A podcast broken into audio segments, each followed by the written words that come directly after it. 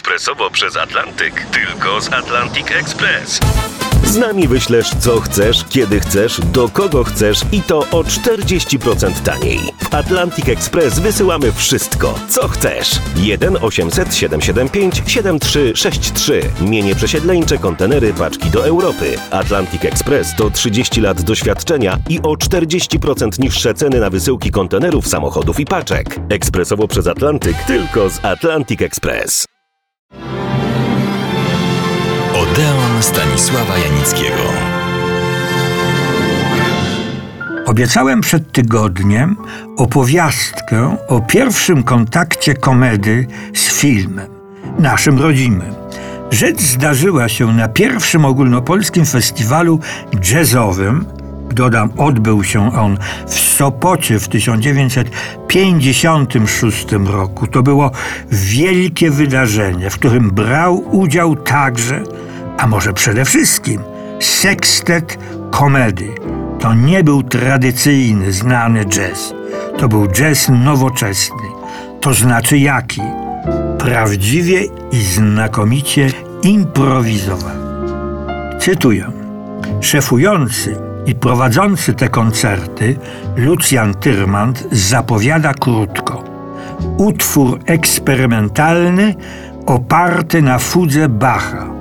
Dodam, czegoś takiego dotąd nikt nie robił i nie grał. Sekstet komedy gra 7 minut. Kiedy kończą, publiczność szaleje. Są brawa, gwizdy, okrzyki, w górę lecą ubrania. Przygotowali na wieczór 10 utworów. Jeden z przyjaciół komedy wspominał po latach. Przywołuję ten obraz i Krzysztofa, przypomnę Krzysztofa Trzcińskiego komedy, cofnięty w głąb sceny, drobny, uśmiechnięty, trochę zażenowany, dziękował za oklaski, zdając się mówić: To nie ja, to oni. Otacza ich tłum ludzi, ściskają im dłonie, rzucają się na szyję. Dziennikarze proszą o kilka słów dla czytelników. Ktoś się przepycha. To młody reżyser Andrzej Munk. Chciałbym jeszcze dziś w nocy nagrać wasz Memory of Bach. Jest noc. Nagrywają w pawilonie. Najpierw cały utwór, potem powtórki i zbliżenia. Panowie, musicie grać tak samo jak za pierwszym razem pod playback, woła Andrzej Munk. Panowie się śmieją. Przecież to jest jazz. Tu się nigdy nie gra dwa razy tak samo. Reżyser jest nieugięty, więc czasem na filmie będzie widać, jak muzycy nie trafiają w instrumenty w odpowiednim momencie. Dla przypomnienia, Andrzej Munk po kilku latach, jeden z najwybitniejszych polskich reżyserów, przypomną jego późniejsze filmowe dzieła.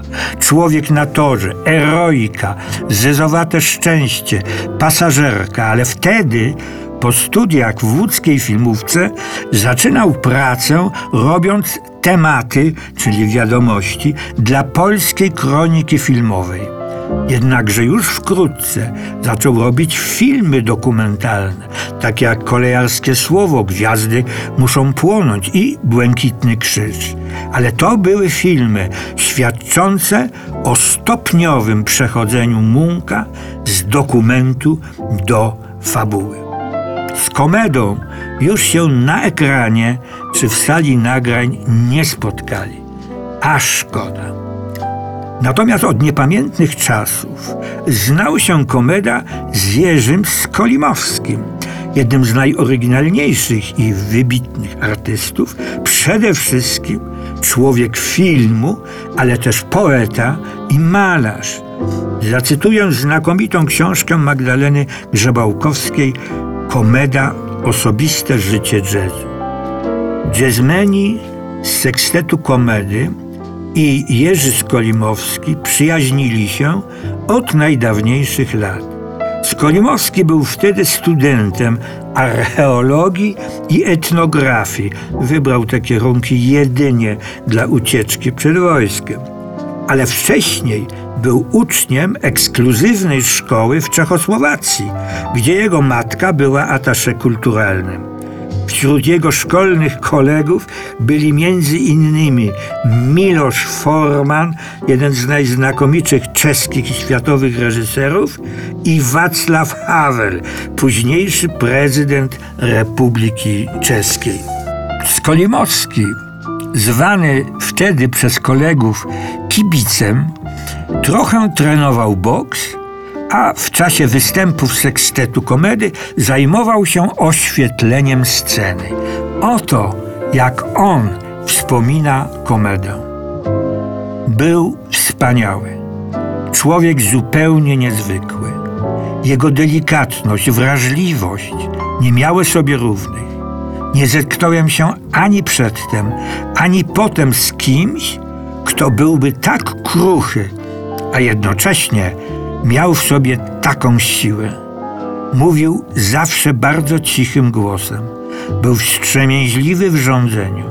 Siadał do pianina, coś tam brzdąkał i chyba zachęcał tym innych, żeby dołączyli. Zwykle były to jakieś improwizacje. Jeśli coś wychodziło, komeda dawał znać, że to jest to. Właściwie nie pamiętam, mówił dalej Skolimowski, żeby komeda się kiedyś zdenerwował, wściekł, czy zrobił komuś przykrą uwagę. W następnych Odeonach będę od czasu do czasu wracał do komedy, bo jego życie i twórczość na to zasługują. A na razie przerywam tę opowieść i zapraszam Państwa do następnego Odeonu, ale już po lecie, po wakacjach. Życzę Państwu miłego i zdrowego spędzenia tych wakacji.